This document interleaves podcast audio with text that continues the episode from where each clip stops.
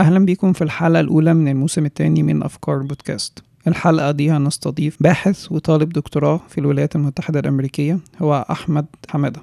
أحمد تخرج من هندسة الطيران جامعة القاهرة وحصل على ماجستير في نفس التخصص في نفس الجامعة ثم انتقل إلى الولايات المتحدة الأمريكية. حتى يعمل باحث بجامعة تكساس إند إم. وهي واحدة من أحسن كليات الهندسة في العالم. وحاليا بيدرس الدكتوراه في قسم هندسة المحيطات. في الحلقة دي هنعمل مع حوار هيناقش فيه تخصص هندسة الطيران وفرص العمل في المجال ده وحتى كمان هيقول نصايح للطلاب اللي ناوية تدرس التخصص ده والطلبة اللي حاليا بيدرسوا التخصص ده. الموسم التاني عندنا عقد رعاية من منصة زينكاستر. هنقول الإعلان الخاص بالمنصة دي في بداية الحلقة عشان ما نزعجش المستمعين أو المشاهدين في نص الحلقة أو في آخر الحلقة. لو عايز تعرف منصة زينكاستر هي منصة متخصصة في اللي هي تساعدك تعمل مقابلات أونلاين. والمقابلات دي بتتسجل بجودة عالية جدا سواء صوت أو صورة حتى لو الإنترنت عندك جودته سيئة أو غير مستقر. لو أنت شايف إن المنصة دي ممكن تكون مفيدة بالنسبة لك وحاجة أنت ممكن تستخدمها فممكن تروح في صندوق الوصف هتلاقي كود ورابط الاتنين دول مجرد تضغط عليهم هيدولك 14 يوم استخدام مجاني للمنصة زائد 30% تخفيض على أول 3 شهور اشتراك في الجزء الجاي هنقول الإعلان الخاص بزنكاستر بس باللغة الإنجليزية Zencaster is a platform that helps you record podcast with remote guests regardless of your internet connection directly from your browser without the need to install anything on your device. It is capable of recording high quality audio and HD video for up to 4 guests without any limitations for free. It has a built-in chat and footnotes. If this sounds good to you, head to the description where you'll find a link that will get you 30% off your first 3 months premium subscription, in addition to 14 days trial without any credit card information required. Or head to zen.ai slash ideas podcast. That is zen.ai slash ideas podcast.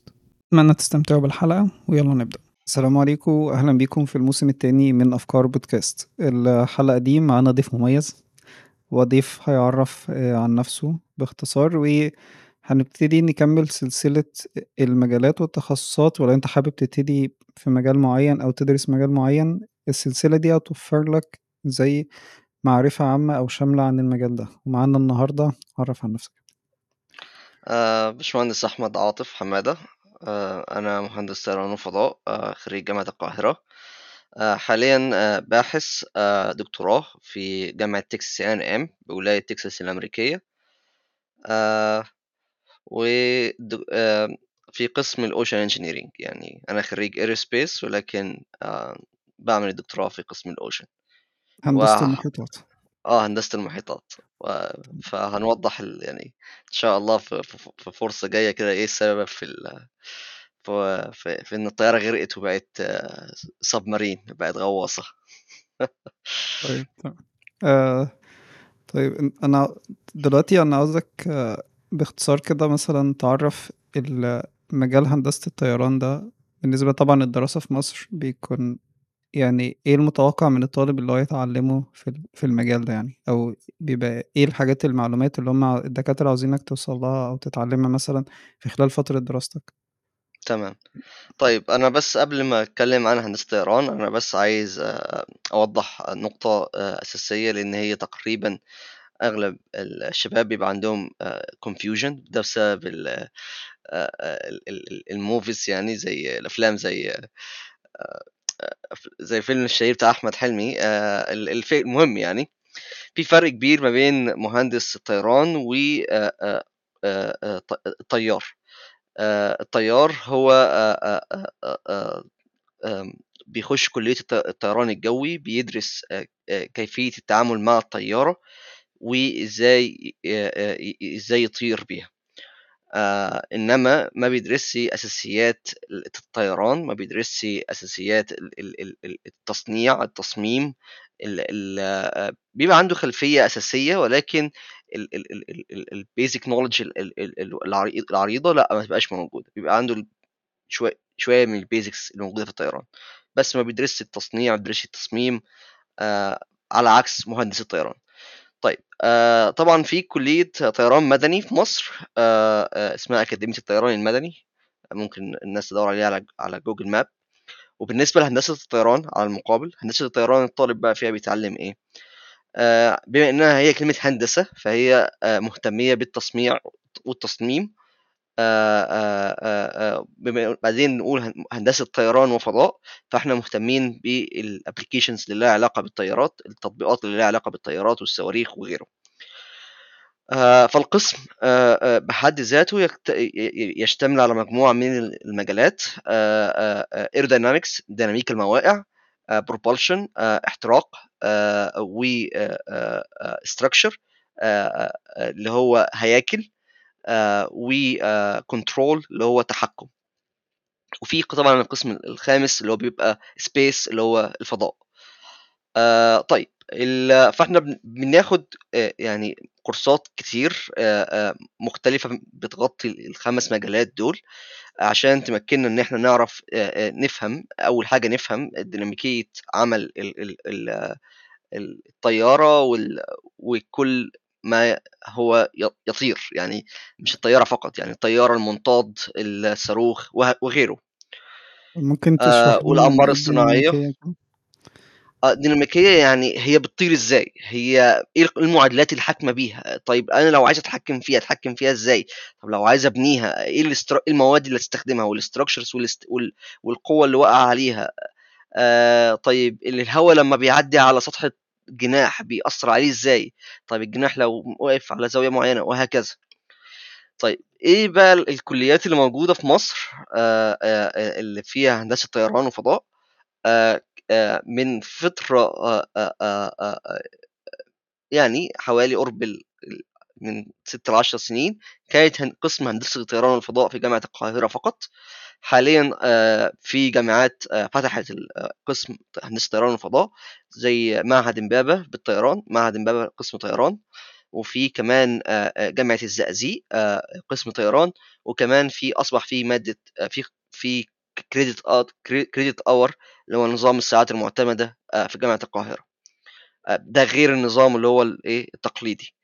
آه، يعني في النظام التقليدي إنك تخش جامعة إعدادي القاهرة تنجح تاخد تنسيق تخش هندسة الطيران. ده ده النظام التقليدي. في بقى برضه اللي هو الكريدت اورز دول الجامعات اللي موجودة في مصر بتمكنك من هندسة الطيران والفضاء.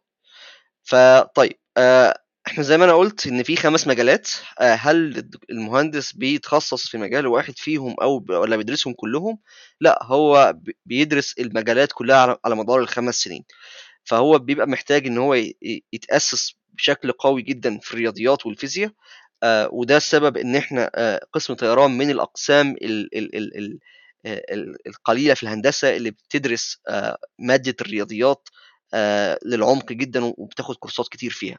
لأن يعني هي أي حد عاوز يتخصص في طيران لازم يتوقع إن هو لازم مثلا ال... يعني الرياضيات عنده تكون في مستوى نوعا ما كويس مظبوط يكون في عنده مظبوط الأساسيات يعني دي حاجة أتوقع يعني اللي هو هيدرسها بكثافة يعني في الكلية. مظبوط يعني يعني إحنا بناخد algebra وجبر وتفاضل وتكامل آه وهندسة آه وهندسة آه geometric آه geometry في في الثانوية العامة. لازم دول الأساسيات ديت تكون مظبوطة جدا وحتى مادة الرياضيات اللي في الإعدادي تكون مظبوطة عشان الطالب يبقى قادر على الاستمرار أنا ما بقولش يعني لو قدر الله شاء آه، إن الدرجات كانت يعني كانت متوسطة ما بقولش إن هو لأ مش ما يقدرش يخش قسم طيران لأ يقدر يخش قسم طيران ولكن هيبقى عليه شوية من المجهود إن هو يحاول يلحق اللي فاته ويفهمه كويس. القسم في حد ذاته صعب آه، صعب جدا يعني أنا أتذكر إن أنا ما كنتش بنام وكان آه، كان بيجي عليا أيام يعني آه، بطبق باليومين والثلاثه وأنا مش يعني يعني مش مش مش سوبر أو مش مش طالب دحيح قوي يعني لأن القسم فعلا بي يعني بيضغط الطلبة بشكل كبير فما انصحش إن حد عجبه الاسم ولكن ما عندوش القدرة على إن هو يسهر ويتعب إن هو يخشه لأن هو القسم صعب ولكن لو أنت بتحب القسم جدًا وباشن بيه يعني عندك شغوف بيه جدًا فأنا بنصحك إنك أنت تخش القسم. ما تقلقش الصعوبة اللي موجودة يعني هتعدي وهتنجح وكل حاجة. أنت عارف المشكلة اللي إحنا عندنا بيبقى الناس عاوزة يبقى اسمي مهندس طيران فقط يعني. بس الفكرة اللي هو بقى الصعوبات بقى والطريق نفسه عشان توصل تاخد اللقب ده بيبقى طريق طويل يعني. آه ما محتاج أنت عشان تتعلم حاجات كتير يعني. ما عشان كده لما حد بيكلمني في الموضوع ده أول كلمة الموضوع صعب. قسم هندسة الطيران والفضاء قسم صعب عل- علوم تقيلة مش هتبقى ال lifestyle نمط الحياة الطبيعي لأي طالب هندسة مش. مش هت- هتبقى أنت مختلف تماما عنه يعني يعني زي ما بيقولوا إيه خد أجازة خمس سنين لغاية ما تتخرج أجازة خمس سنين من الحياة طيب دل- دلوقتي مثلا لو طب دلوقتي ال- الواحد يعرف منين اللي هو عنده شغف بالمجال ده؟ يعني إيه مثلا الحاجات اللي أنت قبل ما تدخل المجال ده لاحظتها في نفسك مثلا وبعد كده قررت قلت المجال ده مثلا مناسب ليا؟ سؤال ممتاز جدا.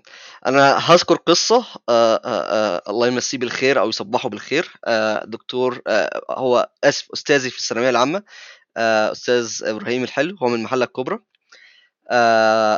في الغربية. آه، هو اللي كان آه، كلمني عن هندسة الطيران والفضاء آه، آه، وقعد يعرفني عن القسم أنا أتذكر من ضمن الكلمات اللي كان بي- بيكلمني فيها إن إن القسم هو آه، ال- ال- ال- ال- الشغف فيه إنك أنت بتحب التصميم بتحب آه، آه، تصنع تحب إنك أنت تدرس ال- ال- ال- ال- ال- الظواهر ال- الفيزيائية المتعلقة بال- بالأجسام الطايرة يعني آه، لو في آه، م- يعني بت- بت- بتحب إنك تدرس ال ال ال ال- تفهم إزاي الطيارة بتطير أو إن هي إزاي ممكن أعدل فيها وأصمم فيها بشكل مختلف فده أنا شايف إن هو المجال الأفضل. يعني ف بالنسبة لل... بالنسبة مثلا للظواهر الفيزيائية للأجسام الطايرة تقصد زي إيه مثلا؟ يعني زي مثال يعني مثال بسيط مثال مثال بسيط إن إن إن أنت لما بتطلع إيدك بره العربية وت... وتعملها كده وت... وت- وتخلي الهواء والعربية ماشية والهواء يخبط فيها بتلاقي زي حاجة بتزق إيدك قوه زي قوة بتزق إيدك. ال- ال- ال- القوة اللي بتزق إيدك ديت لها physics مبنية على إن زاوية الميل بتاعت إيدك والسرعة اللي ماشية بيها العربية هي اللي بتود اللي بتولد قوة الرفع. وهي نفس ال concept ده موجود في الطيران.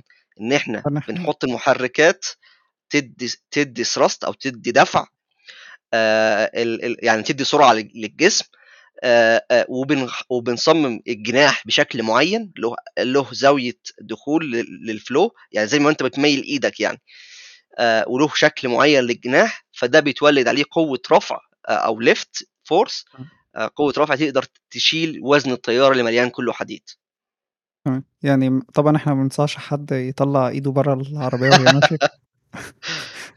ده خطر بس هي ده مثال لطيف يعني. ممكن يوضح مثلا يعني إحنا ممكن نتخيل الإيد دي مثلا هي زي جناح الطيارة كده وفي نفس الوقت بيجي لها زي بالضبط. ضغط كده مع سرعة الطيارة عشان يقدر يرفع جسم الطيارة لفوق صح؟ بالضبط. تمام. آه طيب مثلا دلوقتي لو ده واحد مثلا من الظواهر الفيزيائية اللي انت بتتكلم عنها الواحد يكون عنده شغف بالموضوع يعني. دي من ضمن الحاجات مثلا لو انت لقيت نفسك مهتم إن انت تدرس الظواهر دي تمام ممكن يكون انت عندك اهتمام في إن انت تكمل مثلا في مجال هندسة الطيران وإيه التانية في مثلا انت؟ في من ضمن الظواهر التانية لو انت عايز تعرف إزاي المحرك بيشتغل محرك الطيارة. محرك الطيارة اما بيستخدمش البنزين العادي بتاع العربيات بيستخدم حاجة اسمها كيروسين. آه، ال- الكيروسين ده نوع مع يعني مخصوص لل- لل- لل- للطيارة ال- ال- نظام الاحتراق بتاعه وإزاي إن إحنا بنضغط الهواء وبعدين نحط فيه سبارك فال- فالمحرك يح- ال- يحرق الكيروسين مع مع الهواء المضغوط ويدي قوة دفع كبيرة جدا للطيارة. دي من ضمن من الظواهر اللي إحنا بنحاول ندرسها إزاي ندرس ال- ال- ال- ال- ال- الاحتراق والانضغاط الهواء اللي بندخله قبل ما يحترق. من ضمن الظواهر التانية الطيارة جسمها متبني إزاي؟ إحنا بيبقى على على, على ارتفاع عالي من من الأرض. إحنا الطيارات بتطير على ارتفاع عالي جدا من الأرض قرب ال 11 كيلو متر فالارتفاع العالي ده بيبقى فيه اختلاف كبير جدا في الضغط ودرجة الحرارة. طيب إزاي إن أنا أبني جسم طيارة يبقى أنا آه، الضغط بره أقل بكتير من الضغط جوه. يعني الضغط بره لما يبقى أقل بكتير من الضغط جوه بيبقى بيبقى عايز يشد بسبب بسبب فروق الضغط بيبقى لو أنت حطي آه، بيبقى كأنك عايز يمزق الجسم.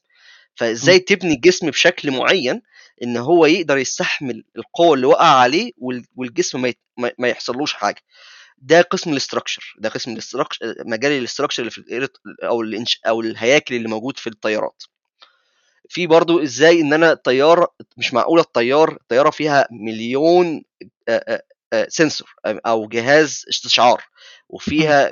يعني فيها حاجات فيها حاجات كتير لا يمكن وأجهزة بتتحرك لوحدها طب إزاي إنك أنت تحط أجهزة بحيث إن هي تقرأ سرعة الطيارة تقرأ الضغط اللي بره تقرأ مش عارف سرعة الهواء اللي داخلة عليها والطيارة لوحدها تاخد قرارات بدون ما طبعا مش في ده مش مش ده الدائم مش ده الدائم آه، آه، إن اللي بيحصل في الطيارات المدنية آه، آه، ولكن نسبة كبيرة ده ده موجود ان إن الطيارة بتاخد بت- بتقيس شوية متغيرات حواليها وبتاخد قرارات إن هي آه خلاص إحنا أنا هغير زاوية ال- ال- الديل أغير زاوية ال- الجناح شوية وهكذا.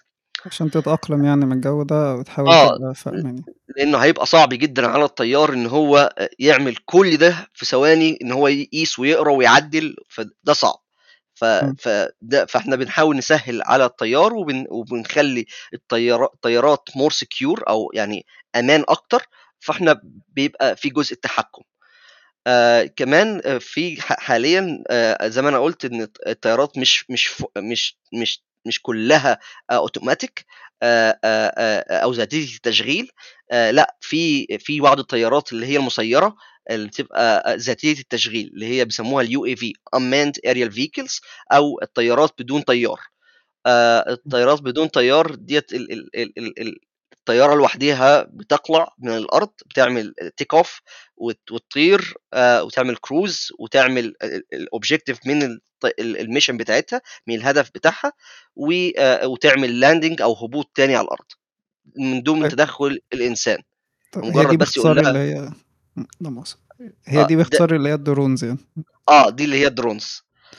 طيب الكروز اللي هي الرحلة عموما يعني آه. أنت بتبرمج الطياره اللي هي تبتدي تطلع لوحدها من نقطه إيه النقطة B؟ تتحرك من نقطه إيه النقطة بي؟ آه مظبوط. يعني ممكن تحدد مسار الرحلة مثلا والمنطقة اللي تغطيها ونقطة الهبوط. ده مظبوط. مظبوط. تمام. آه ال... طيب. هل آه،, آه في حاجة كمان لها علاقة بالستلايتس الاعمار الصناعية؟ آه، الأمار الصناعية هي صحيح يقع عليها نفس المعادلات الحاكمة آه، آه، للطيارة ولكن في عامل متغير أساسي مختلف. إيه هو؟ إن مفيش هواء في الفضاء مفيش هواء فمفيش احتكاك. الاحتكاك اللي بيظهر في الطيارات مش موجود في الأقمار الصناعية. في احتكاك من نوع تاني له علاقة بالبلازما بتاعت أشعة الشمس والموجات الشمسية. بس يعني بيبقى الوضع مختلف تماما عن الطيارات. آه وبيبقى في حاجة اسمها orbital mechanics science يعني آه آه آه مدارات ال- ال- ديناميكية الم- المدارات ديناميكية المدارات يعني آه ال- القمر الصناعي بيتحط في مدار معين بيلف حوالين الأرض والمدارات دي لها ديناميكية حركة معينة آه، على حسب الارتفاع وبعدها عن الأرض. آه ودي طبعا معروفة ب يعني المثال البسيط بتاعها جدا قوانين نيوتن آه اللي كلنا خدناها في الثانوية العامة. آه، أو التجاذب ما بين جسمين التجاذب ما بين جسمين لقوان- لقوانين نيوتن. طيب آه، طب هل في مثلا آه ال... طيب دلوقتي من واضح اللي هي كلها بتصب في ناحية الظواهر الطبيعية مثلا. وأي حاجة فوق سطح الأرض صح؟ يعني الجسم نفسه بيقدر يتصرف إزاي مثلا فوق بالضبط. مثلا مستويات معينة من سطح الأرض لدرجة اللي هو يوصل للفضاء كمان؟ تمام. ده هو خارج الغلاف الجوي صح؟ ولا داخل تمام. لا خارج الغلاف الجوي كمان. خارج الغلاف الجوي. طيب ده برضه طيب دلوقتي مثلا لو واحد شاف في ال- في اللي هو في الثانوية العامة مثلا لو عنده شغف بالموضوع الخاص بالظواهر الفيزيائية مثلا وعنده مثلا خلفية بالنسبة للرياضيات كويسة نوعا ما وهو دلوقتي هيبتدي يدخل هندسة الطيران. فتفتكر مثلا إيه الحاجة اللي ممكن يقراها أو إيه الحاجة اللي ممكن يتابعها مثلا عشان يتأكد إن هو فعلا هيكون شغوف بالمجال ده ويكون حابب اللي هو يدرسه في الكلية؟ آه، اليوتيوب آه، لو كتب aerospace يعني آه، 101 آه، أو مثلا aerospace for youth يعني حاجات من ضمن الكلمات اللي إحنا كلنا بن- بنكتبها لما بنيجي ندور على حاجة لأول مرة. آه، ممكن هتلاقي فيديوهات كتير تعرفك عن حاجات يعني بسيطة مش عميقة قوي ولكن بسيطة تقدر إنك أنت بال- بال knowledge الم- بال- بالمعرفة اللي موجودة معاك في الثانوية العامة آه، آه، آه، آه، تفهم اللي بيحصل قدامك. ده هيبقى برضو indication لو أنت وأنت بتتفرج على الفيديوهات اللي زي ديت على اليوتيوب هل آه، ال- ال- الموضوع فعلا آه، آه، مه- مهم ليك و interesting ولا وشيق ليك ولا في لأ أنت شايف الموضوع ده مش مجالك يعني؟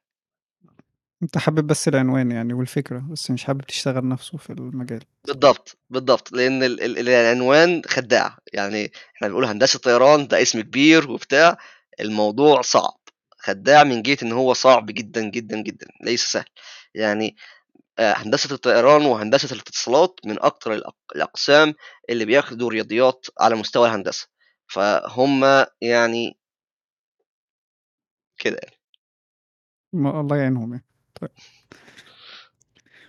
طيب بالنسبة ل... أنت مش عارف بصراحة بالنسبة لبقية الهندسات يعني بس آه طيب تمام آه طيب دلوقتي لو أنت مثلا آه يعني لو أنت حابب مثلا آه، اللي هو تدي نصيحة لحد عاوز يدخل المجال ده تنصحه بإيه؟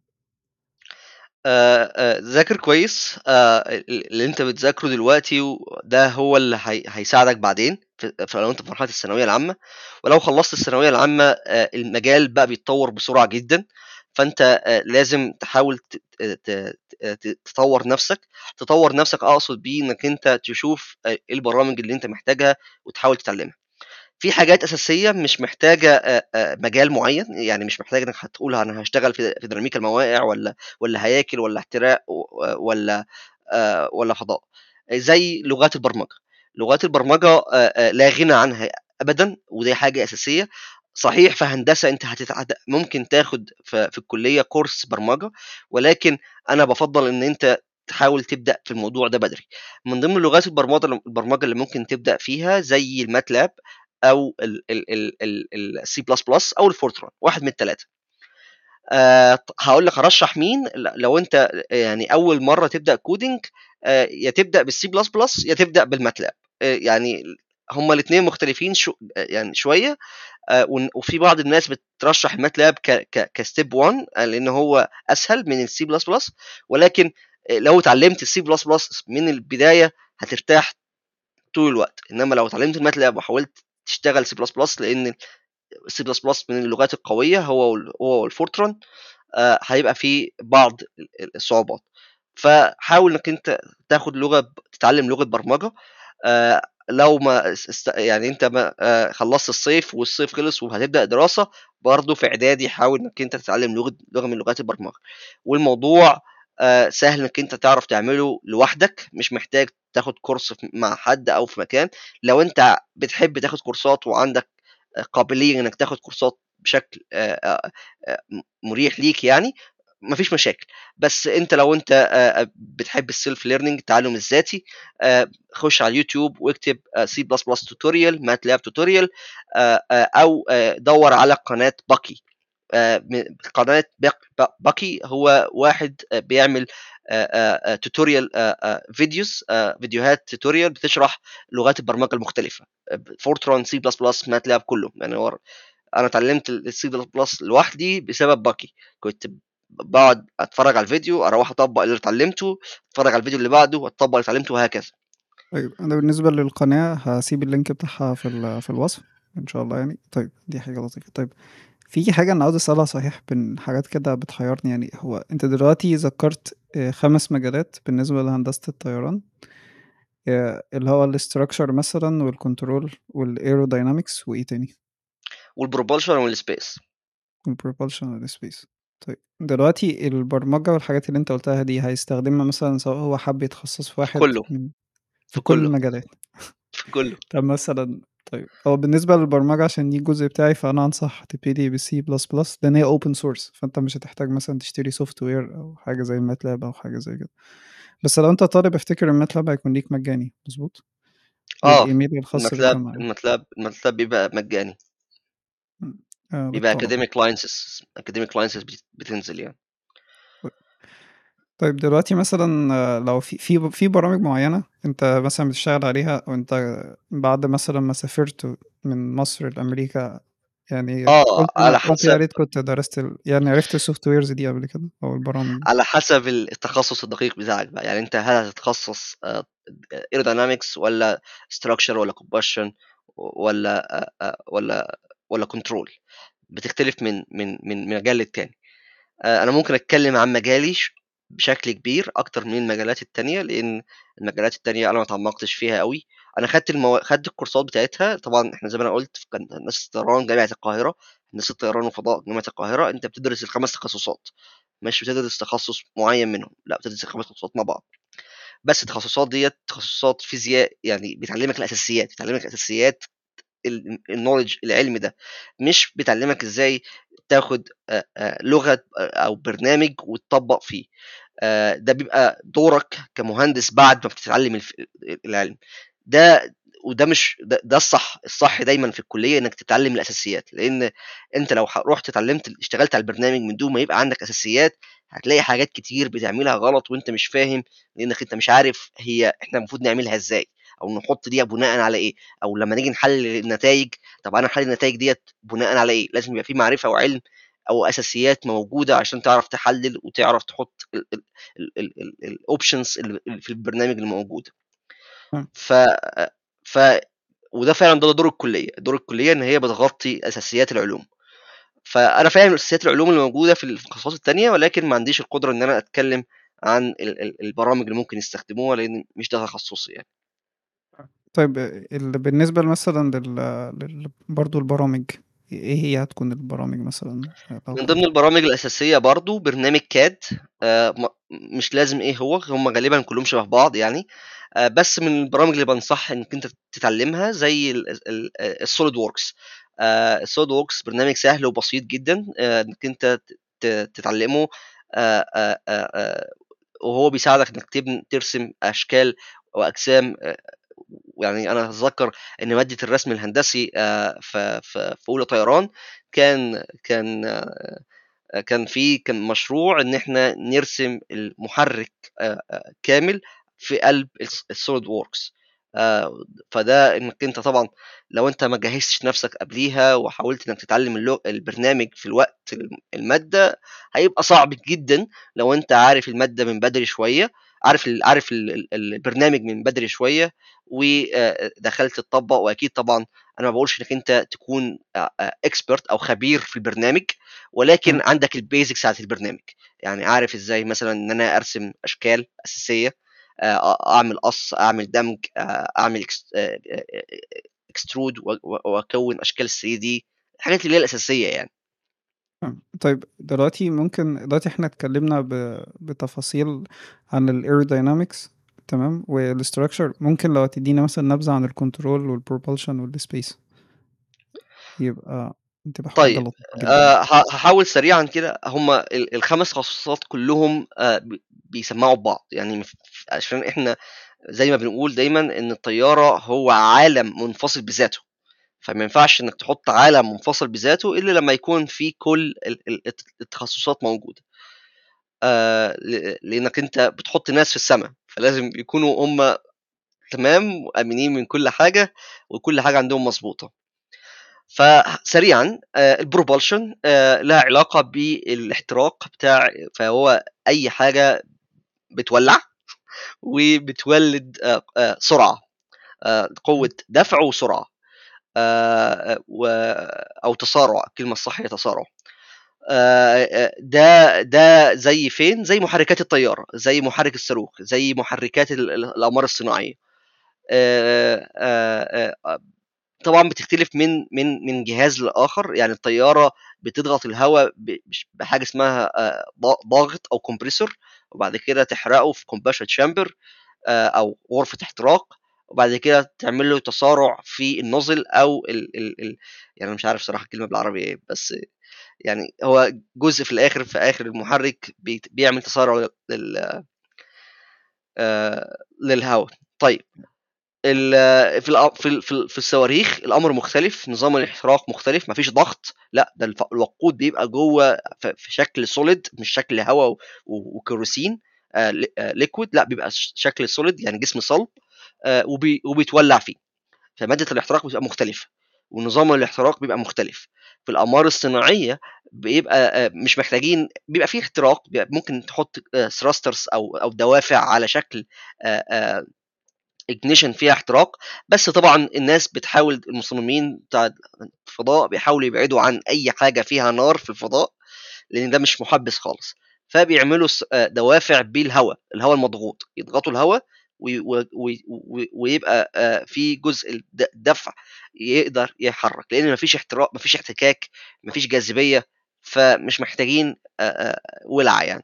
عكس عكس العربيات مثلا بيكون فيها البنزين وأنت بي بي بالضبط. بي بي بعد كده بيتحرق وبعد كده بيبتدي يضغط بقى اللي هو ال ال ال البستون تقريبا بستون حاجة زي كده. سلندر آه piston cylinder system system. تمام. دي من الحاجات البسيطة اللي أنا أعرفها. طيب بالنسبة بالنسبة لل بالنسبة لإيه تاني؟ لل control لل control الطيارة على سبيل المثال في أسطح موجودة متوزعة حو- حوالين الطيارة زي في منها على الجناح. الناس أكيد اللي سافرت لما بيقعدوا جنب الشباك بيشوفوا في أسطح بتتحرك. الأسطح دي اسمها flap و aileron و... و... وفي slats أسطح مختلفة كتير. آه، التحكم في الأسطح ده لا يمكن لا يمكن. هو طبعا في جزء في جزء من التحكم ده إن إن إن الطيار بيقول هحط ال- ال- ال flap على درجه على خمس درجات. هحط ال flap على على 10 درجات. بس مش معقولة كل طول الوقت هو بيعمل كده. آه وبرده الديل الديل فيه rudder و elevator. برده سطحين في الخلف بيتحركوا. آه يعني ممكن بر... يعني ممكن مثلا الطيار زي ما يكون آه. حاجة حاجة يعني أنت مثلا عندك الجنا... الجناح ده بتاع الطيارة فيه ده جزء جناح وجزء في متحرك. جزء جزء متحرك. وجزء ثابت. بفكرة الجزء أنت الثابت بتتحكم في الجزء ال... أنت بت... أنت بتتحكم في الجزء المتحرك ده. بالضبط.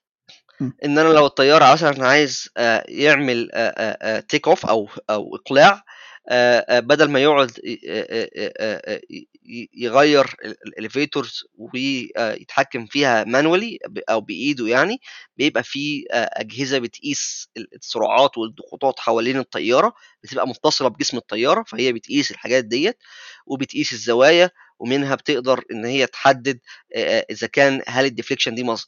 زاوية الميل بتاعت الأجسام المتحركة ديت مظبوطة ولا محتاج إن هي تتعدل أكتر برضه نفس الحكاية في الأقمار الصناعية بيبقى في زاوية الخروج الهواء المضغوط من ال... ال... ال... زاوية الخروج الهواء المضغوط من. ال thrusters اللي إحنا اتكلمنا عنها في آه، في, في الأقمار الصناعية زاوية الخروج عشان أتحكم في شكل الحركة ديت control system برضه هو اللي بيتحكم فيها. control system نظام تحكم هو اللي هو اللي بيقوم بالموضوع ده. يعني آه. ال control system يعني نظام هو هو مش بيقيس يعني أنت بتقول في في حاجات بتستشعر حاجات يعني صح؟ آه هو بيقيس هو بيقيس بيقيس ال- ال- ال- مكان الجسم وال orientation بتاعه أو أو أو زاوية التوجه بتاعته. يعني لو جسمه متوجه كده غير الجسم لما يكون متوجه كده غير لما الجسم يكون متوجه كده. فبيقيس مكان الجسم وال orientation بتاعته وال velocity وال height اللي هو ال altitude المدار اللي هو بيلف عليه. وبيبدأ يغ- يغير في ال angles أو الزوايا بتاعه ال thrusters اللي طلع الهواء المضغوط عشان يحرك ال- ال- ال- ال- ال- ال- ال- ال- ال- ال satellite في اتجاه معين وكمان آه، كمية خروج الهواء المضغوط كمية خروج الهواء المضغوط ده برضه control system هو اللي بيعمله. يعني أنا عايز أتحرك من A ل B. عشان ما أتحرك ل A ل B بس وما أروحش ل C ما كملش ما, ما أفضلش أقعد أتحرك إلى الأبد يبقى أنا. محتاج إن أنا أطلع الهواء بكمية معينة. عايز اتحرك بسرعة معينة يبقى لازم اطلع الهواء بكمية الهواء المضغوط بكمية معينة مش كل الهواء المضغوط اطلعه مرة واحدة. فكمية الهواء المضغوط مثلا عشان توجهه في, في يعني لمسار معين زي ما أنا حسب أنا بالضبط. فاهم. ها. يعني بالضبط باختصار كده ال control systems دي عشان تبتدي تتحكم مثلا في في, في زاوية الطيارة مثلا أو رايحة في أنهي اتجاه صح كده؟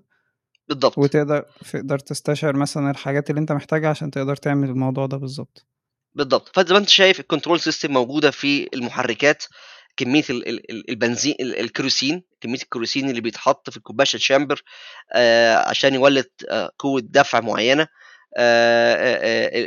زوايا أو الأماكن بتاع ال injectors أو البخاخات بتاعة الكيروسين.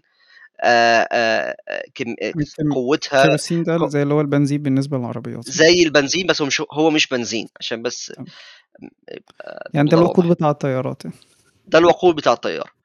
آه. آه فال control داخل في ال combustion أو ال أو ال propulsion وداخل في ال aerodynamics وداخل في ال structure. في جهة ال structure ده حديثا ده ده موضوع جديد. آه أنا اسف آه في ال structure ده موضوع جديد بإن إن الطيارات أصبح في طيارات بدون طيار حاليا بتغير شكل الجسم بتاعها. إن شكل الجسم بتاعها الطيارة شكل الجناح بيتغير. بيحصل له morphing أو يعني تغير تلقائي للجسم للهيكل بتاع الجسم. عشان يتأقلم مع حاجة معينة يعني؟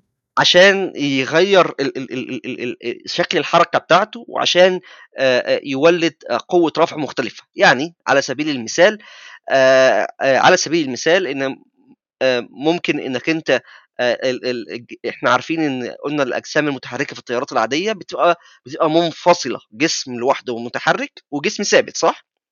لا دلوقتي بقوا عايزين يخلوا الاثنين جسم واحد وجزء من الجسم هو اللي يتحرك.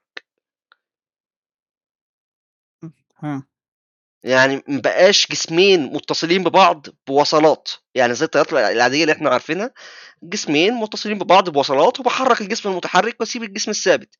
لا هو جسم واحد هو structure واحد هيكل واحد ولكن بحرك منه جزء بسيط.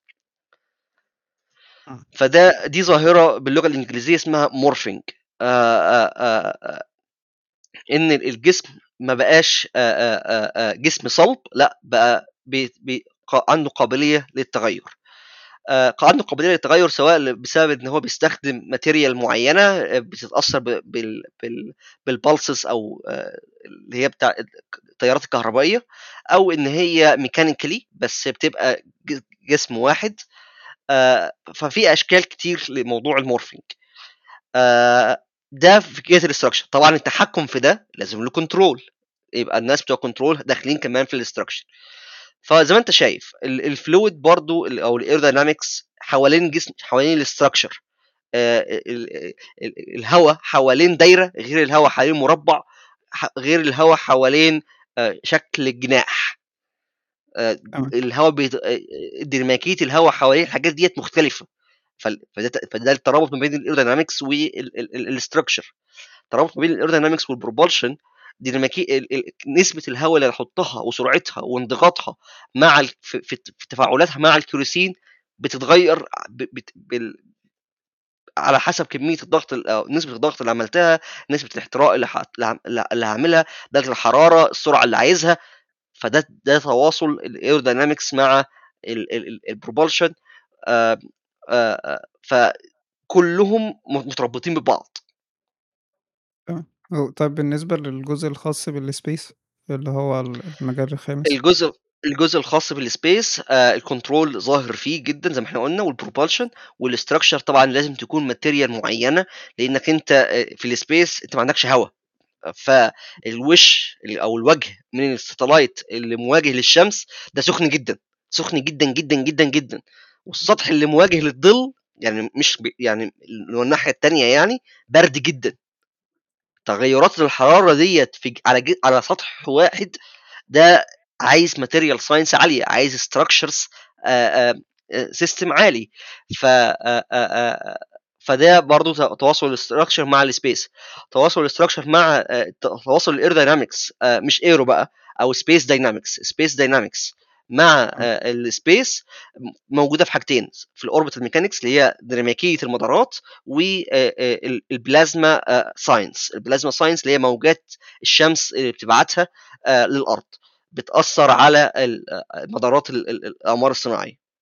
هو أنتوا بتشتغلوا مع حد من ضمن هندسة مواد أو علوم مواد مثلا؟ إحنا طيب علم الطيران دي ده سؤال ممتاز. يعني أنا أنا هلضم فيه في موضوع الشغل. يعني هجاوب على السؤال وألضم فيه موضوع الشغل ما بعد بعد الكلية.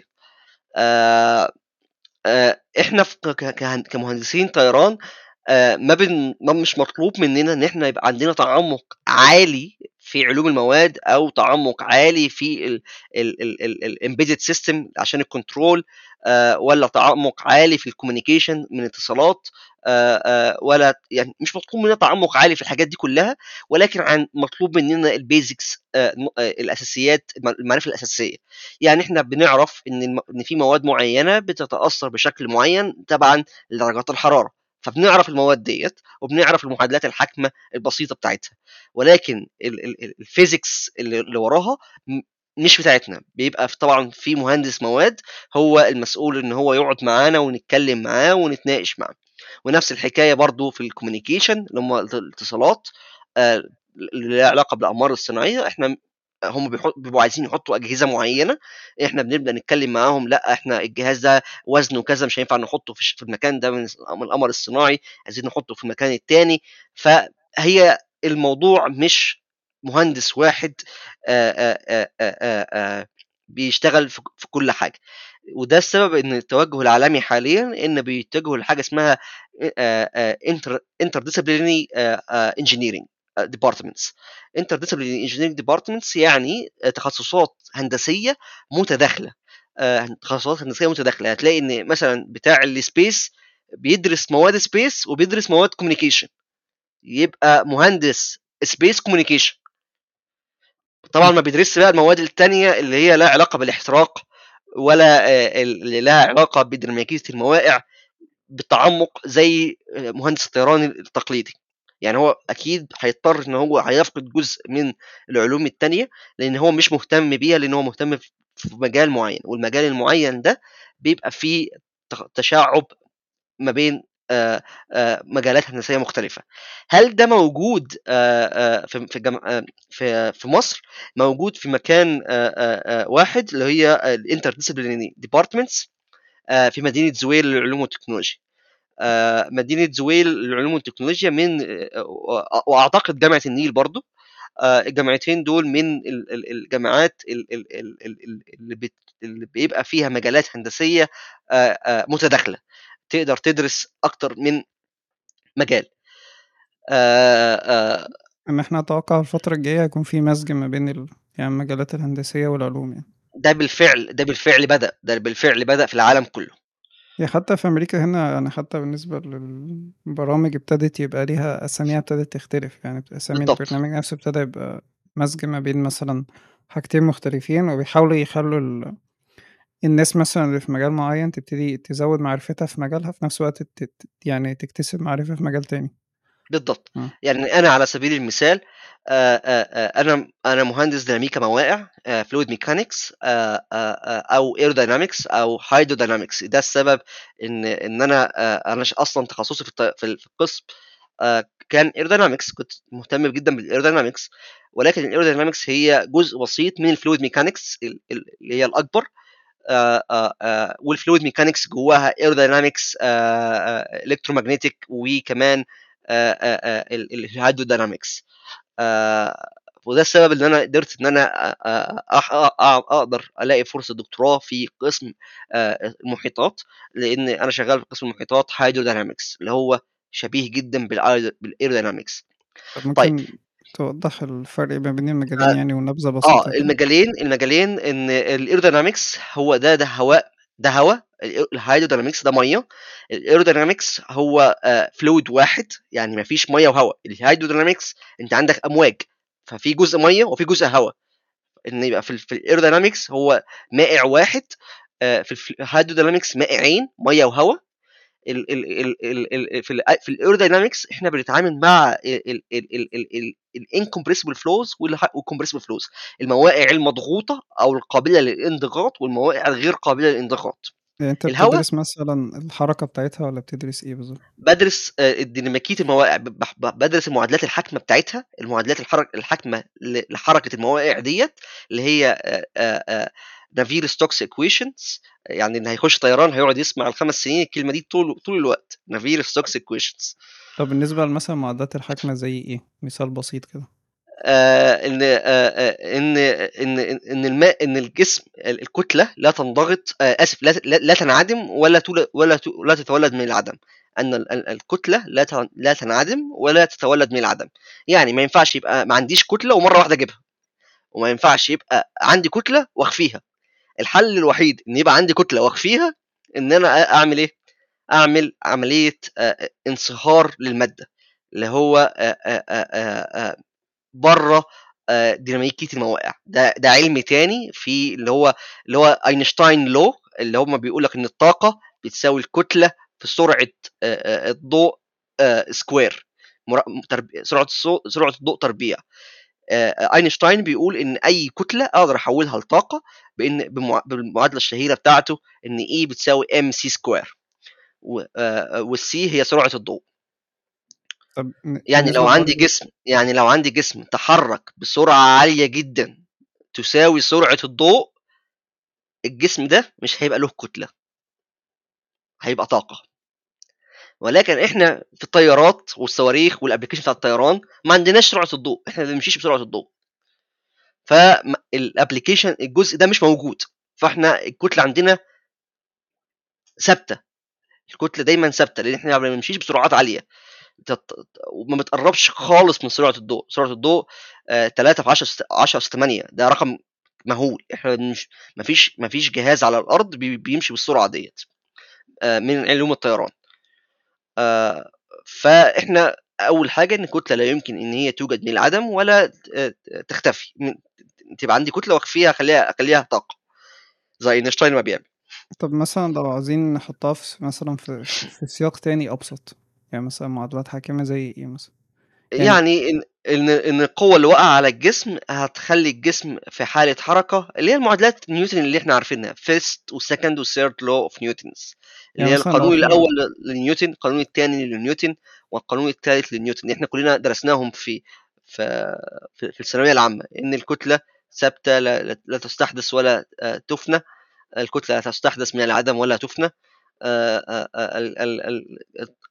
مجموع القوى اللي على الجسم تساوي التغير في ال- ال- المومنتم بتاعه أو معدلات يعني الحركة. يعني مثلا لو إحنا هنزق جسم مثلا ب- بقوة معينة أتوقع اللي هو يتحرك مثلا لمسافة ي- لو لو آه بالضبط بالضبط. إن إن الجسم يسير في خط مستقيم ما لم تؤثر عليه قوة خارجية تغير من حركته أو اتجاهه. اللي هو قوانين نيوتن اللي إحنا كلنا عارفينها في الثانوية العامة. آه. أنا طبعا بس بس طبعا ده القوانين نيوتن اللي عارفينها في الثانوية العامة ديت ال ال ال ال أبسط صورة لشكل المعادلات. إحنا ما بنحلش المعادلات ديت إحنا بنحل الصورة المعقدة منها. آه. تمام؟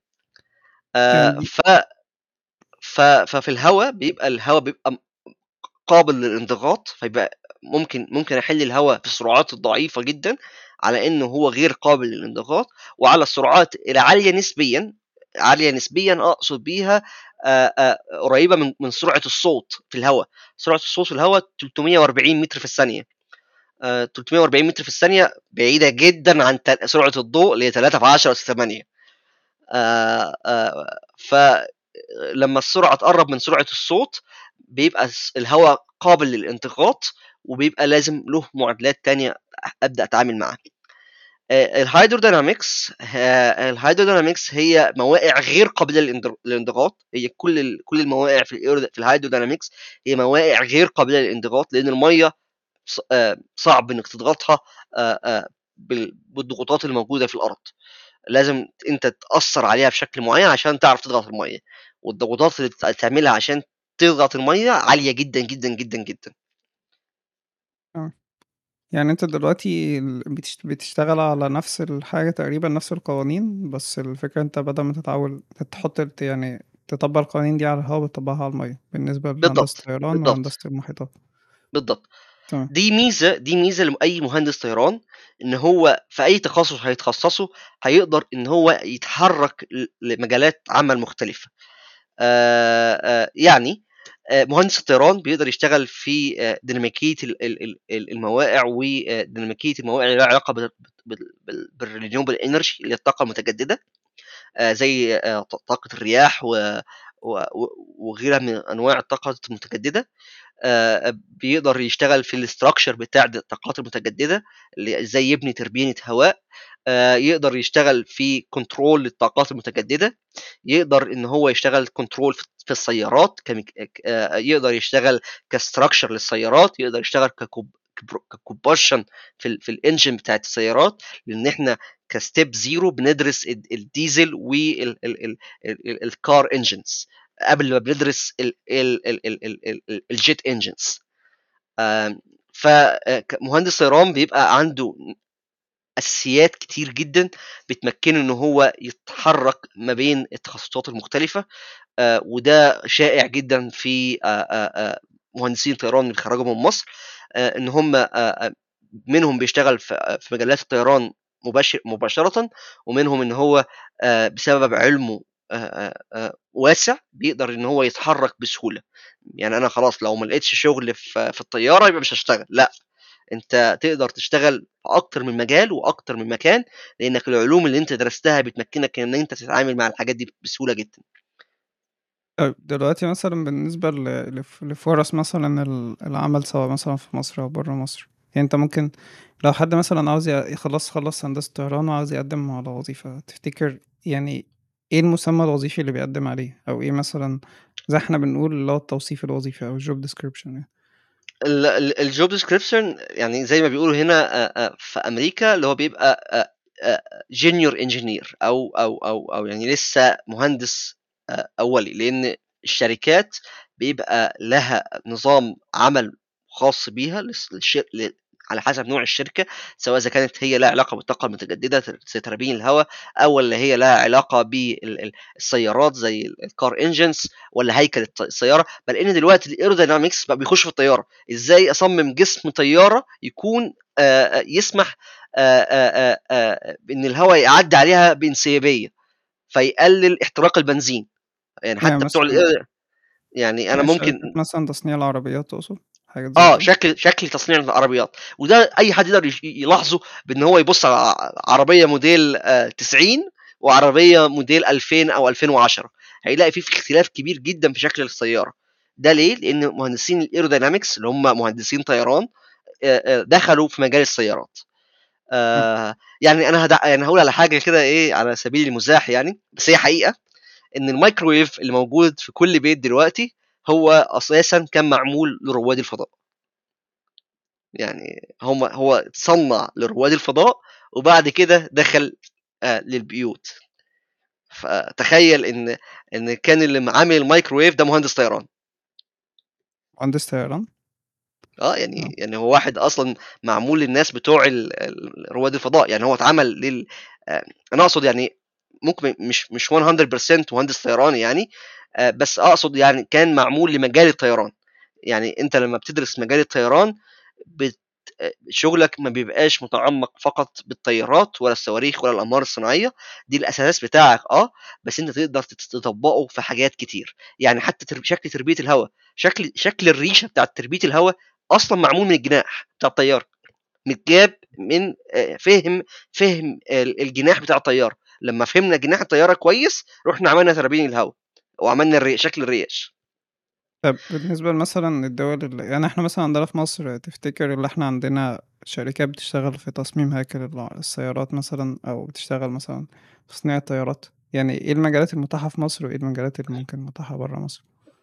طيب المجالات المتاحة جوه مصر في شركات كتير بدأت تنشأ كمجال R and D research and development دول بي يبدأوا يطوروا في شكل تربينة الهواء يبدأوا يطوروا في شكل تربينة في شكل السيارة. بس التصنيع ما اضمنش إذا كان إحنا بنعرف نعمله ولا لأ. أنا ما يعني أنا ما أعرفش. يعني ممكن نكون بنعمله بس بس وأنا مش عارف. بس أنا أنا ما أعرفش يعني. لأن أنا أكتر مجال اكاديميا يعني تدريس وبحث علمي أكتر من مجال الشركات. فمش على دراية up to date يعني يوم بيوم إيه الشركات اللي موجودة في مصر. من ضمن الحاجات التانية اللي أعرفها إن في شركة زي شركة اسمها Valeo شركة من شركة Valeo الناس بتوع ال control عندنا بي بنسبة 90% بيروحوها عشان هي بتطبق العلم اللي هم استخدموه في الطي... في ال control في التحكم بتاع الطيارات يحطوه تحكم للسيارات. إيه، برضو من ضمن الشركات لل aerodynamics كانت في شركة R and D اسمها CFD Optumatics كانت برضو مش عارف إذا كانت ما زالت موجودة ولا قفلت ولا ولا يعني أنا ما أعرفش ال up to dates يعني لأن هي كانت شركة startup وشركات ال startup على عكس الشركات الكبيرة زي Valeo ال startup ممكن تقفل في لحظة يعني على عكس الشركات الكبيرة. بس المرتبات كويسة جدا يعني المرتبات من الشركات سواء إذا كانت startup أو شركة كبيرة بتبقى المرتبات ممتازة جدا جدا. يعني طيب بالنسبة مثلا لو حد مثلا حابب يشتغل بره مصر الوضع. أو يكمل مثلا في مجال طيب أنت مهندس طيران من طيب مصر الشغل في أمريكا بتطلع برضه مهندس طيران بتخرج مهندس طيران. أنا شركة في أمريكا هل متوقع إن أنا هروح أجيب المهندس طيران اللي اتخرج من أمريكا ولا هروح أدفع فلوس قد كده إن سفر وتأشيرة وغيره ومش عارف إيه لمهندس طيران في مصر؟ لا. طبعا هجيب المهندس الطيران اللي جوه بلدي الأول. ده طبيعي. طيب لو أنا بقى عايز أروح شركات بره وأشتغل فأنا أنصحك إنك أنت تعمل ماجستير آآ آآ تعمل ماجستير وبعدين تبدأ تتجه للشركات. وبل إن في بعض الناس بت... وده النسبة العالية من طلبة الدكتوراه. يعني النسبة العالية من طلبة الدكتوراه بيروحوا يعملوا دكتوراه وبعد كده يروحوا للشركات ديت ويشتغلوا فيها. فانك أنت بتعمل ماجستير أو بتعمل دكتوراه اللي هي دراسات عليا ما بعد التخرج ده مش معناه إنك أنت هتتجه لاتجاه الاكاديميا بل إنك أنت بتزود معرفتك وبتزود علومك عشان تبقى سعر الطلب عليك أعلى من سعر الطلب على الطالب اللي بيتخرج من أمريكا. يعني الطالب بيتخرج من أمريكا معاه بكالوريوس الطالب اللي بيتخرج من مصر معاه بكالوريوس لو جه لو جه أمريكا وعمل ماجستير بقى معاه درجة أعلى. فيبقى في فرص له إن هو يشتغل فعلا في أمريكا في إحدى الشركات بتاعت الصناعة. آه طيب عمل دكتوراه. يبقى فرصته بتكبر ومرتبه كمان بيعلى. آه آه لأنه طلع من مرتبة الماجستير لمرتبة أعلى اللي هي الدكتوراه. ف يعني أنا أنا هقول لك هقول لك نسبة إن 7% بس 7% بس من الناس اللي, بيبقوا عايزين يشتغلوا في الأكاديمية هم اللي بيشتغلوا. الباقي اللي هم اللي بيخلصوا دكتوراه. يعني أنا خلصت دكتوراه 7% بس من كل الناس اللي خلصت الدكتوراه هم اللي بيشتغلوا في الأكاديمية. يعني 93% بيشتغلوا في الشركات. بيبقى معاه دكتوراه وبيروح يشتغل في شركة ومرتبه بيبقى عالي جدا. فالدراسات العليا الدراسات العليا هي إحدى الطرق إنك أنت تقدر تلاقي فيها فرصة عمل بره مصر آآ آآ وبسهولة آآ في بعض الناس بس دي بتبقى نسبة ضعيفة يعني أنا شايفها 1% أو أقل إن هو بيبقى من اندر جراد يقدر يروح لشركة بره مصر يشتغل فيها. فأنا شايف إن الطريق المضمون إنك تروح تعمل ماجستير على الأقل وتروح تشتغل بعديها في شركة. حبيت تكمل الدكتوراه ممكن تكمل الدكتوراه وده سبب إنك أنت بتكمل الدكتوراه. وأنت عايز تروح صناعة إنك تزود مرتبك. يعني خلاص أنا هدفع خمس سنين من عمري في سبيل إن مرتبي يبقى الضعف. لو أنا هطلع هقبض مثلا X معين رقم X من الماجستير فلو خدت الدكتوراه هيبقى 2 X طيب مثلا لو طب إيه مثلا يعني يعني طيب دلوقتي إيه المسمى الوظيفي اللي الواحد يدور عليه مثلا؟ لأن دلوقتي مثلا عاوز أنا خرجت هندسة طيران يعني إما أنا أجي أدور على شغل بيبقى المسمى الوظيفي بتاعي مهندس طيران ولا في ليه مسميات آه تانية ممكن مهندس مهندس آه مهندس طيران الفضاء النقابة آه حاطة حاطة مهندس الطيران تحت مهندس الميكانيكا. آه آه يعني ما زال الأمر يعني في مصر آه ملوش مسمى منفصل ولكن أنت لما تتكلم مع أي حد قول أنا مهندس طيران وفضاء. طب برضو يعني إيه المسميات الوظيفية؟ مثلا ممكن مهندس control مثلا control engineer آه آه طيب إيه المسميات التانية اللي ممكن يقدم عليها؟ آه مهندس control مهندس آه propulsion آه مهندس aerodynamics آه ال aerodynamics منهم مجالين experimental و numerical آه ناس بت بتجرب بإيديها. وفي تص... وفي مجال ثالث اللي هو design and design design and build إن هو بيصمم وبيصنع. دول ده مجالات موجودة إن هو يبقى ممكن يشتغل CFD اللي هو computational fluid dynamics اللي هي حسابات بيعمل simulations أو إن هو يشتغل experimental في المعامل أو إن هو يشتغل تصميم وبناء وطبعا في مهندس ال structure اللي هو له علاقة بالهياكل بتاع الأجسام الطائرة آه. بس إحنا اسم دلوقتي مثلا ال... دلوقتي ال... إيه الحاجة التانية كمان اللي ممكن مهندس الطيران يشتغل فيها بسهولة حتى لو هي مش مجاله؟ يعني مثلا لو في مهندس مثلا ميكانيكا أو مهندس آه، إحنا بنقدر نشتغل في robotics مثلا حاجة زي أنا كده. يعني الناس بتوع ال- ال- ال- الميكاترونكس وال- وال mechanical engineering هيزعلوا مني لأن إحنا كده بنقطع عليهم يعني بس آه، آه، إحنا بنقدر نشتغل في المجالات ديت يعني ممكن آه، لو لما بندرس control وبعدين ممكن تاخد course embedded system بعديها آه، تقدر تشتغل آه، كمهندس ميكاترونكس آه، لأنك أنت بيبقى آه، جمعت ما بين ال control و control قوي جدا ال control اللي إحنا بندرسه في طيران قوي جدا جدا واللي بيبقى الجزء الناقص عندنا بيبقى هو ال embedded systems وده دبلومة ممكن تتاخد وفي في بعض يعني زمايلي كتير خدوها آه، اللي هم تخصص control عشان تمكنهم إن هم يشتغلوا في ال- ال- كمهندس ميكاترونكس. آه، ال- ال- ال- ال- الحاجة التانية كمان ال- آه، كم- كمهندس ميكانيكا لأن آه، آه، الطيران هو جزء من ميكانيكا. فالأساسيات الموجودة في ميكانيكا هي موجودة عندك فأنت تقدر تشتغل كمهندس ميكانيكا برضه. ميكانيكا power. بالنسبة لل robotics مثلا لأن هو دلوقتي المجال ده بي- بيتوسع والناس أكتر ابتدت تهتم بيه بشكل كبير يعني تطبيقاته في يعني في مجالات كتير. ال- الناس بتوع ال robotics دول اللي هم بيدرسوا system dynamics و control في ال- اللي هم بي بي بي خلاص بعد ما بيخلصوا ال undergrad بيحبوا يتخصصوا في ال system dynamics اللي هي ديناميكيه الأكس حركة الأجسام ديناميكيه حركة الأجسام وال control اللي هو التحكم.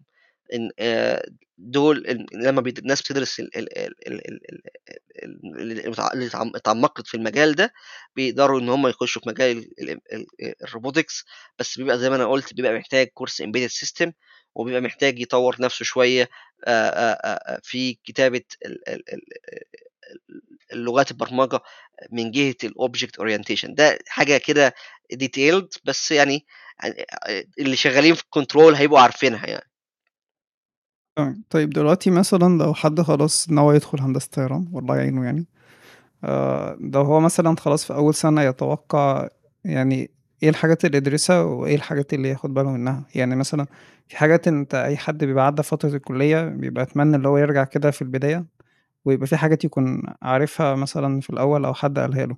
تديله يعني النصايح العامة مثلا لأي حد في هندسة طيران أو حد خلاص هيدخل هندسة طيران؟ الرياضي الرياضيات الرياضيات الرياضيات هي السلاح الأول والأخير في الهندسة الطيران لأن المعادلات الموجودة فيها قايمة على أساسيات رياض- رياضية آه، قوي بشكل قوي.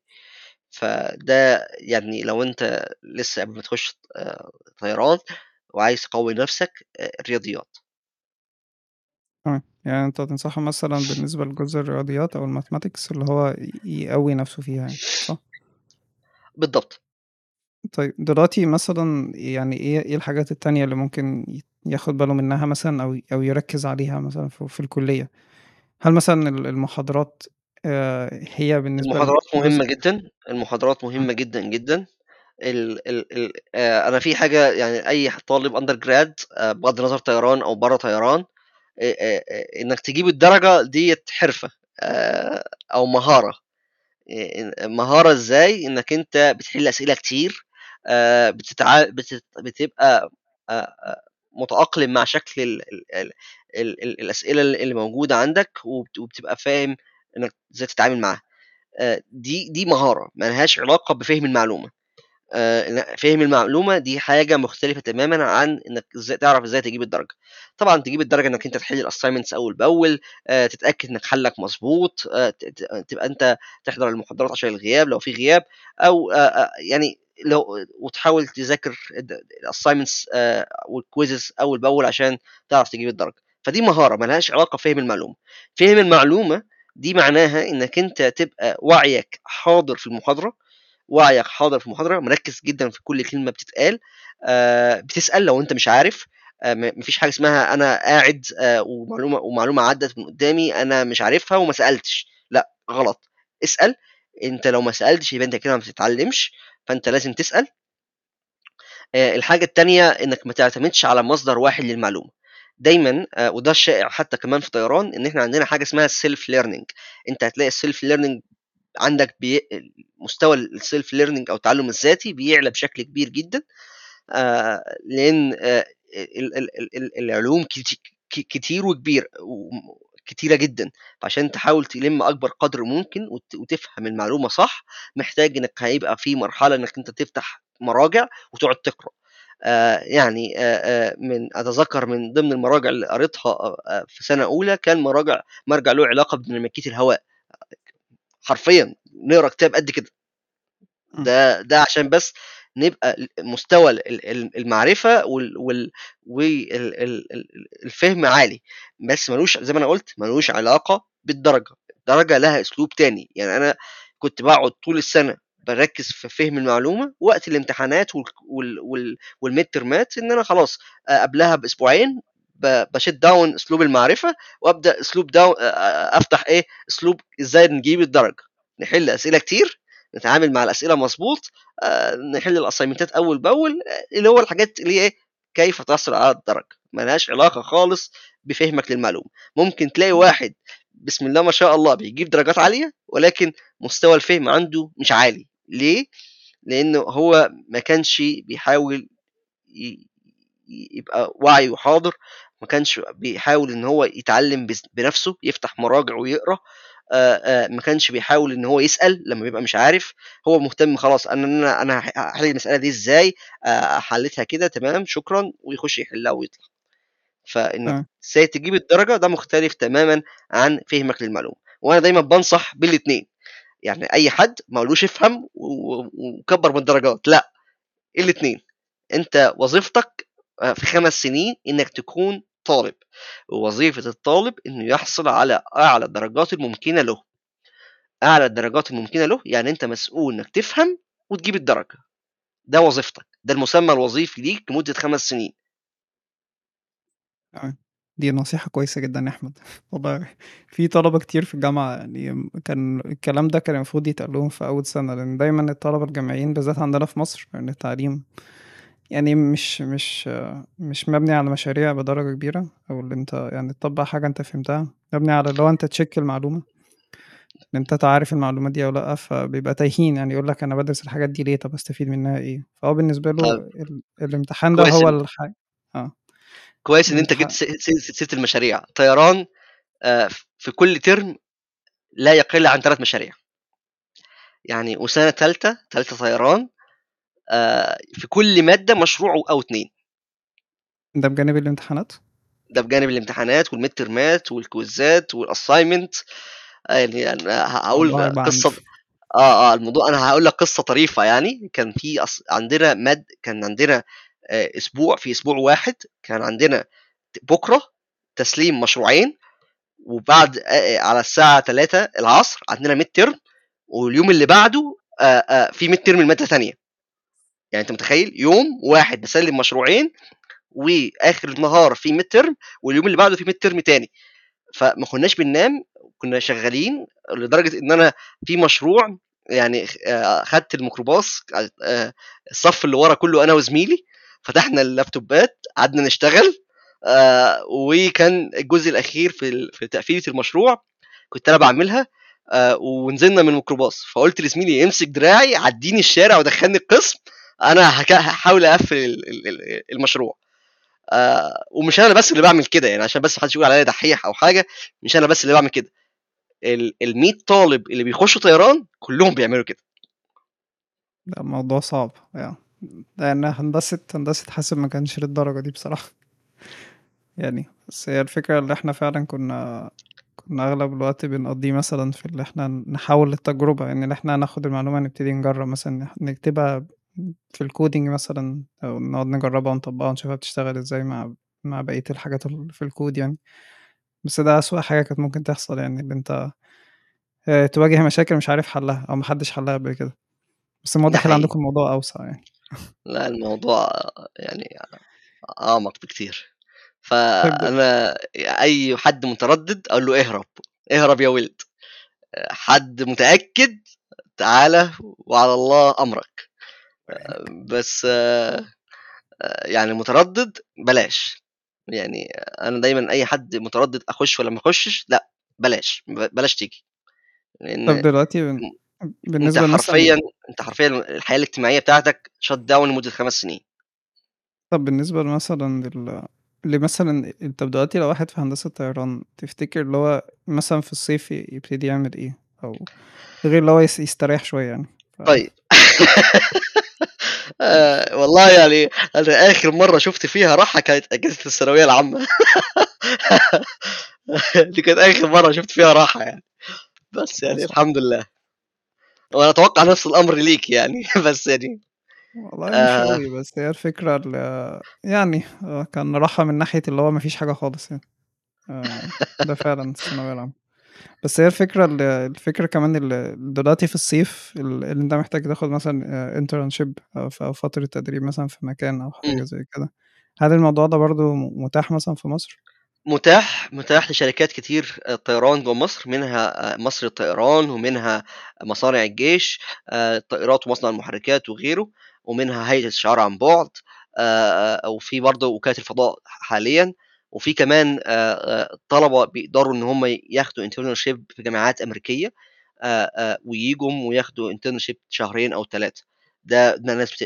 طلبة دلوقتي عندنا في قسم طيران جامعة القاهرة بسم الله ما شاء الله بقوا بيقدروا يعملوا الموضوع ده آه بل إن هم كمان لو هم مش قادرين يسافروا ممكن يشتغلوا آه remotely مع دكاترة بره ويتدربوا معاهم لمدة ثلاث شهور آه طبعا الموضوع ده مهم جدا. فأنت لو مش هتروح internship حاول إنك أنت تكتسب لغة لغة أو برنامج جديد. ده حاجة أساسية. يعني من ضمن الحاجات اللي أنا جيت هنا واكتشفتها في في ال aerodynamics أو ال hydrodynamics اللي هو fluid mechanics بشكل عام اللي هو المجال الأكبر بتاعي. إن في برنامج مهم جدا اسمه OpenFOAM ده بيحل ديناميكا الموائع وهو free و open source وأمريكا بنسبة 90% بتستخدمه. يعني طبعا في commercial softwares أو programs بتحل الموضوع ده تجار يعني برامج تجارية. ولكن البرامج التجارية ديت نسبة استخدامها بدأت تقل سنة عن عن سنة. عشان طبعا يعني لما غالية أنا اسف ما دام يبقى في حاجة تقدر تعملها ببلاش وبتعمل نفس الجودة ليه أروح أدفع فلوس غالية عليها؟ فاتعلمت البرنامج ال OpenFOAM ده أنا قعدت فيه حوالي ست شهور بتعلمه لوحدي. عملت عملت بعد ما اتعلمته واشتغلت عليه لمدة ثلاث سنين عملت كورسين على على على two semesters لطلبة طيران وميكانيكا في مصر مرة عن طريق ثلاث جامعات ومرة عن طريق علماء مصر. يعني دي فرصة إن إحنا نعمل إيه؟ دعاية لعلماء مصر. علماء مصر بت بتقدم آه مؤسسة آه غير ربحية مسجلة بكاليفورنيا آه في الولايات المتحدة الأمريكية بتقدم خدمات مختلفة. أنت ممكن تتعرف على الخدمات بتاعتهم إنك تكتب علماء مصر آه على على على جوجل أو egyptscholar.com ده الموقع بتاعهم. من البرامج اللي بيقدموها في برنامج زي برنامج دار بيقدموا كورسات في برنامج زي برنامج الاستشارات تبعت لهم أسئلة وهم يجيبوا دكاترة متخصصة يجاوبوا لك عليها في برنامج مراجعة الأوراق مراجعة الأوراق لو أنت بتحاول تقدم على ماجستير أو دكتوراه بره في برامج مختلفة عندهم كتير وبرنامج ممتازة وكلها ببلاش يعني وكلهم الناس اللي بتقوم عليها ناس متطوعة وناس حامله درجة الدكتوراه أو بيعملوا الدكتوراه. يعني هم سواء إذا كانوا PhD student أو أو PhD holders يعني هم معاهم خلصوا الدكتوراه بالفعل. ومن حوالين العالم مش من أمريكا بس. فأنا يعني بنصح الناس تحاول تتع... يعني تخش على صفحتهم وتشوف البرامج اللي هم بيقدموها. فحاولت إن أنا أقدم ال OpenFOAM لطلبة من الطيران هناك. والحمد لله يعني في يعني group محترم من سنة ثالثه وسنة رابعة طيران حضروا ال course وبسم الله ما شاء الله خلصوه يعني وتعلموا البرنامج. طيب الحمد فدايما فدايما فدايما حاول تسعى على ال internship سواء جوه مصر أو بره مصر لو حتى ممكن تتواصل مع الدكاترة بره وتحاول تعمل معاهم internship remotely لو أمكن. حاول إنك أنت لو مش هتعمل internship وشايف إنك مش قادر تعمل كده حاول إنك تتعلم برنامج جديد. ده هتقدر تختار البرنامج بسهولة. طبعا أنا البرنامج اللي أنا قلته ده برنامج خاص بالناس بتوع ال aerodynamics الناس لما تخش طبعا طيران control أو طيران propulsion هتتعرف على برامج الخاصة بالمجال ده بالذات. أنا طبعا ما أعرفهمش لأن ده مش ده مش مجالي الدقيق. ولكن انت لما تخش تعرف إيه البرامج اللي لها علاقة بال control إيه البرامج اللي لها علاقة بال propulsion إيه البرامج اللي لها علاقة بال structure إيه البرامج اللي لها علاقة بال space وتبدأ تتعلمها وانت لسه undergrad الصيف فرصة ذهبية انك تتعلم. يعني أنا البرنامج SolidWorks من البرامج اللي بقول للناس تحاول تتعلمها من بدري من أول سنة. أنا اتعلمتها من أول سنة فعلا وتعمقت فيه في سنة ثالثه ورابعة طيران. وده كان السبب إن أنا قدرت ألاقي شغل في شركة international بسبب إن أنا كنت قدرت إن أنا اشتغلت عندهم معاهم سنة أو سنة ونص إن أنا كنت قدرت إن أنا أبقى expert في الموضوع فإنك أنت بتتعلم برنامج كل صيف ده أنت مش بتضيع وقت أنت بتبني لبعدين لأن قيمتك مش في ال title بتاعك قيمتك مش في. في إنك أنت بقيت مهندس طيران وفضاء لأ قيمتك في إيه الحاجات اللي أنت بتعرف تعملها؟ آه أنت بتعرف تعمل إيه؟ إيه ال skills إيه البرامج إيه ال knowledge اللي عندك؟ فكل ما تزود الموضوع ده كل ما يبقى قيمتك بتزيد. آه. فهمت. بالنسبة أنت بتتكلم بالنسبة لسوق العمل يعني أو حابب بعد كده يقدم على دكتوراه أو حاجة زي كده صح؟ بالضبط بالضبط. تمام. أنا فهم. طيب دلوقتي أنا عايز أسألك سؤال كده شخصي. وأنت لو كنت رجع بيك الزمن يعني كنت هتختار هندسة طيران تاني؟ آه يعني أنا هقول لك على حاجة تضحكك يعني. أنا والدي ووالدتي مدرسين رياضيات ثانوية عامة. فالرياضيات عندنا في البيت يعني الحمد لله كويسة يعني بحكم إن الوالد والوالدة بيشتغلوا مدرسين رياضة ثانوية عامة. فبعد ما نجحت في الثانوية العامة كنت جايب مجموع عالي بسم الله ما شاء الله. كان فأنا قلت كنت بسجل الرغبات فكتبت أول رغبة قسم رياضة بحتة وتطبيقية جامعة القاهرة. فوالدي عدى من جنبي بيقول لي بتعمل إيه؟ فبقول له بعبي الرغبات بتاعة الكليات. فقال لي إيه؟ أول رغبة حطيتها؟ قلت له قسم رياضة بحث تطبيقيه جامعة القاهرة. قال لي لأ اكتبها هندسة. وشرط عليا إن أنا أخش هندسة.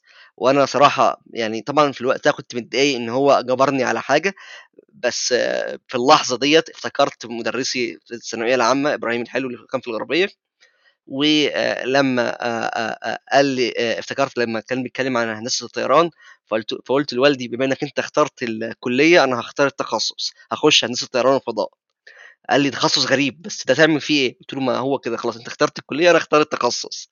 ف اخترت التخصص في اللحظة ديت و... وكان ده هدفي. يعني طبعا دخلت هندسة الأول ككلية عادية وبعد كده اخترت التخصص هندسة طيران فضاء يعني بس كان الحاجة المميزة إن كان إن كان الطلبة في إعدادي هندسة كانوا بيسألوا الطلبة الأقدم منهم عن التخصصات المختلفة.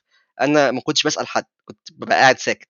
لدرجة إن واحد فيهم بيقول لي أنت عايز تبقى إيه؟ فقلت له عايز أبقى مهندس طيران وفضاء.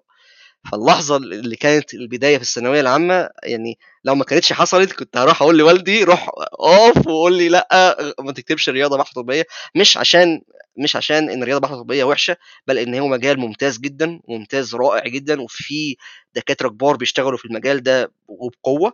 آه ولكن آه يعني خط سير الحياة كان يعني آه لو رجعت هختاره تاني.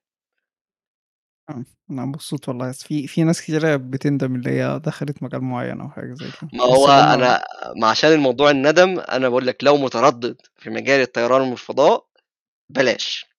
متردد بلاش. هتعاني وهتقاسي والموضوع مش هيبقى سهل. آه أنا فاهم. يعني لازم يكون واحد فعلا شغوف بالتخصص ده عشان يقدر يكمل فيه بالضبط. تمام. أنا فهمت. طيب إحنا في حاجة تحب تقولها في الآخر؟ آه لأي حد أي طالب أي بني آدم بيسمع البودكاست حاول دايما تتقي الله في نفسك وفي كل مرحلة أنت بتعيشها. آه، إحنا آه، آه، آه، ك- كطلبة وظيفتنا محددة ومعروفة آه، وأنت كطالب آه، وظيفتك سهلة عن إنك أنت لما تبقى تتخرج وتبدأ تدور على شغل. ف- فأنا عارف إن الشباب وأنا كنت منهم كنا بنحب نلعب آه، بس يعني آه، إنك تتقي الله وت- وتراعي نفسك وت- وتد- وت- وتدي لنفسك حقها سواء إذا كان في ال- في المرحلة اللي أنت فيها في العلم أنت خلاص طالب فأنت تتعلم كويس تسعى إنك أنت تذاكر كويس آه، أو إنك أنت بعد التخرج هتشتغل اتقي الله في شغلك ما تحاولش إنك أنت تغير أو تبوظ أو بسبب أي حاجة. الفلوس بتيجي وتروح ملهاش قيمة الفلوس لا يمكن إنها تتوزن بأي حاجة. صحتك ودينك هم أعلى قيمتين عندك. صحتك ودينك سواء إذا كنت مسلم أو مسيحي صحتك ودينك هو أهم حاجة. تعاملك مع الناس دول الحاجات الأساسية. ال- المال وال بيجي ويروح. المعرفة هي آه، هي آه، معرفة وتعاملك مع الناس هو ده قيمتك. ودايما ما آه، حاجة أخيرة للطلبة آه، بلاش نظام آه، طبعا أنا عارف إن مش كلنا كده ولكن آه، يعني آه، آه، آه، بلاش نظام إيه أنا مش هساعد حد أو هخبي المعلومة عشان أخلي المعلومة عندي. أنا آه، أقسم آه أقسم بالله آه، أنا كنت يعني أتذكر في مادة آه، أنا كنت بلخصها وأحط تلخيص على النت على ال group على الفيسبوك للزم... على جروب الدفعه يعني. آه، المادة ديت أنا جبت فيها أعلى درجة ممكنة آه، بسبب إن أنا كنت بعمل كده. يعني مش عشان حاجة غير إن هو توفيق من الله سبحانه وتعالى يعني إن هو كان بيفتح عليا وقت اللجنة وقت الامتحان. وزي ما قلت الدرجة ملهاش علاقة بالفهم. فيعني كان ربنا كان مسهل عليا الامتحان يعني. فتأكد الحاجة اللي هتساعد فيها الناس ربك هيرزقك فيها أضعاف وأضعاف وأضعاف. دايما الحاجة اللي بتديها هتاخد ضعفها. وده مبدأ حتى مبدأ الزكاة والصدقة. آه، ما نقص مال من صدقة زي ما قال الرسول صلى الله عليه وسلم. آه، آه، إن الحاجة اللي أنت بتطلع منها سواء إذا كانت زكاة مال زكاة علم وزي ما في زكاة مال ففي زكاة علم. فأنت لو عارف معلومة وحد مش عارف ساعده. انت لما تساعده هو مش هياخد مكانك. رزقك مكتوب وخلص واتقفل من يوم من اللحظة اللي اتولدت فيها. فمفيش حد هياخد حق نصيبك. فساعد الناس آه، خلي فيه أثر صالح ليك لأن ده اللي هيبقى لك. آه، المال ملوش قيمة. شكرا أحمد على الكلام اللطيف اللي أنت قلته بصراحة. أنا كان نفسي أوجه نفس الكلام بس أنت أسلوبك ألطف يعني. الله يكرمك. طيب أنا في النهاية حابب أشكرك على ال- اللي أنت قعدت معانا أكتر آه، من ساعة وعلى المعلومات القيمة اللي أنت قدمتها. وأتمنى إن الناس تستفيد آه، على قد ما تقدر يعني وتحاول تغير من نفسها. وفي نفس الوقت يكون عندها يعني نوعا ما من معرفة اللي هو يقدر يخليها تاخد قرارات صح يعني في حياتها بالنسبة لتخصص الدراسة أو حتى بالنسبة لحياتها عموما. يعني الكلمتين اللي أنت قلتهم في الآخر بصراحة ممكن يغيروا من نفسية ناس كتيرة في نفس الوقت من رؤيتهم يعني لحياتهم. فبس. طيب آه، أنا حابب أشكرك تاني أنا حابب أنا اللي حابب أشكرك والله على إنك بتعمل talks زي ديت. آه، أنا متأكد إن في ناس كتير هتستفاد من حاجات زي كده. وأتمنى برضو إن ال talks دي ما تتقطعش. أنا عارف إن أنت كطالب دكتوراه حاليا يعني آه، يعني حياتك صعب. أصعب أصعب وأصعب وأصعب من أي مرحلة. آه، قبل كده ولكن آه، يعني آه، ده عمل خير ما تحاولش توقفه وأنا متأكد إن الناس كلها هتستفاد بيه. شكرا يعني والله أنا شاكر ليك يعني. مش متشكرة الله يكرمك والله. شكرا على الكلمتين اللطاف تحفيز وكده. طيب آه إن شاء الله هنختم البودكاست على كده. لو عندك أي أسئلة تقدر تسأل على قناة اليوتيوب صفحة الفيسبوك أو حساب الإنستجرام. ولو في أي أسئلة لأحمد آه لو حابب في حاجة مثلا آه الناس تقدر تتواصل معاك عليها زي إيميل مثلا أو آه، مفيش مشاكل ممكن الإيميل آه آه، طيب معاك الإيميل ممكن تحطه. طيب أنا هسيب إيميل أحمد في ال description. إن شاء الله نشوفكم في حلقة جديدة ويلا مع السلامة. السلام عليكم.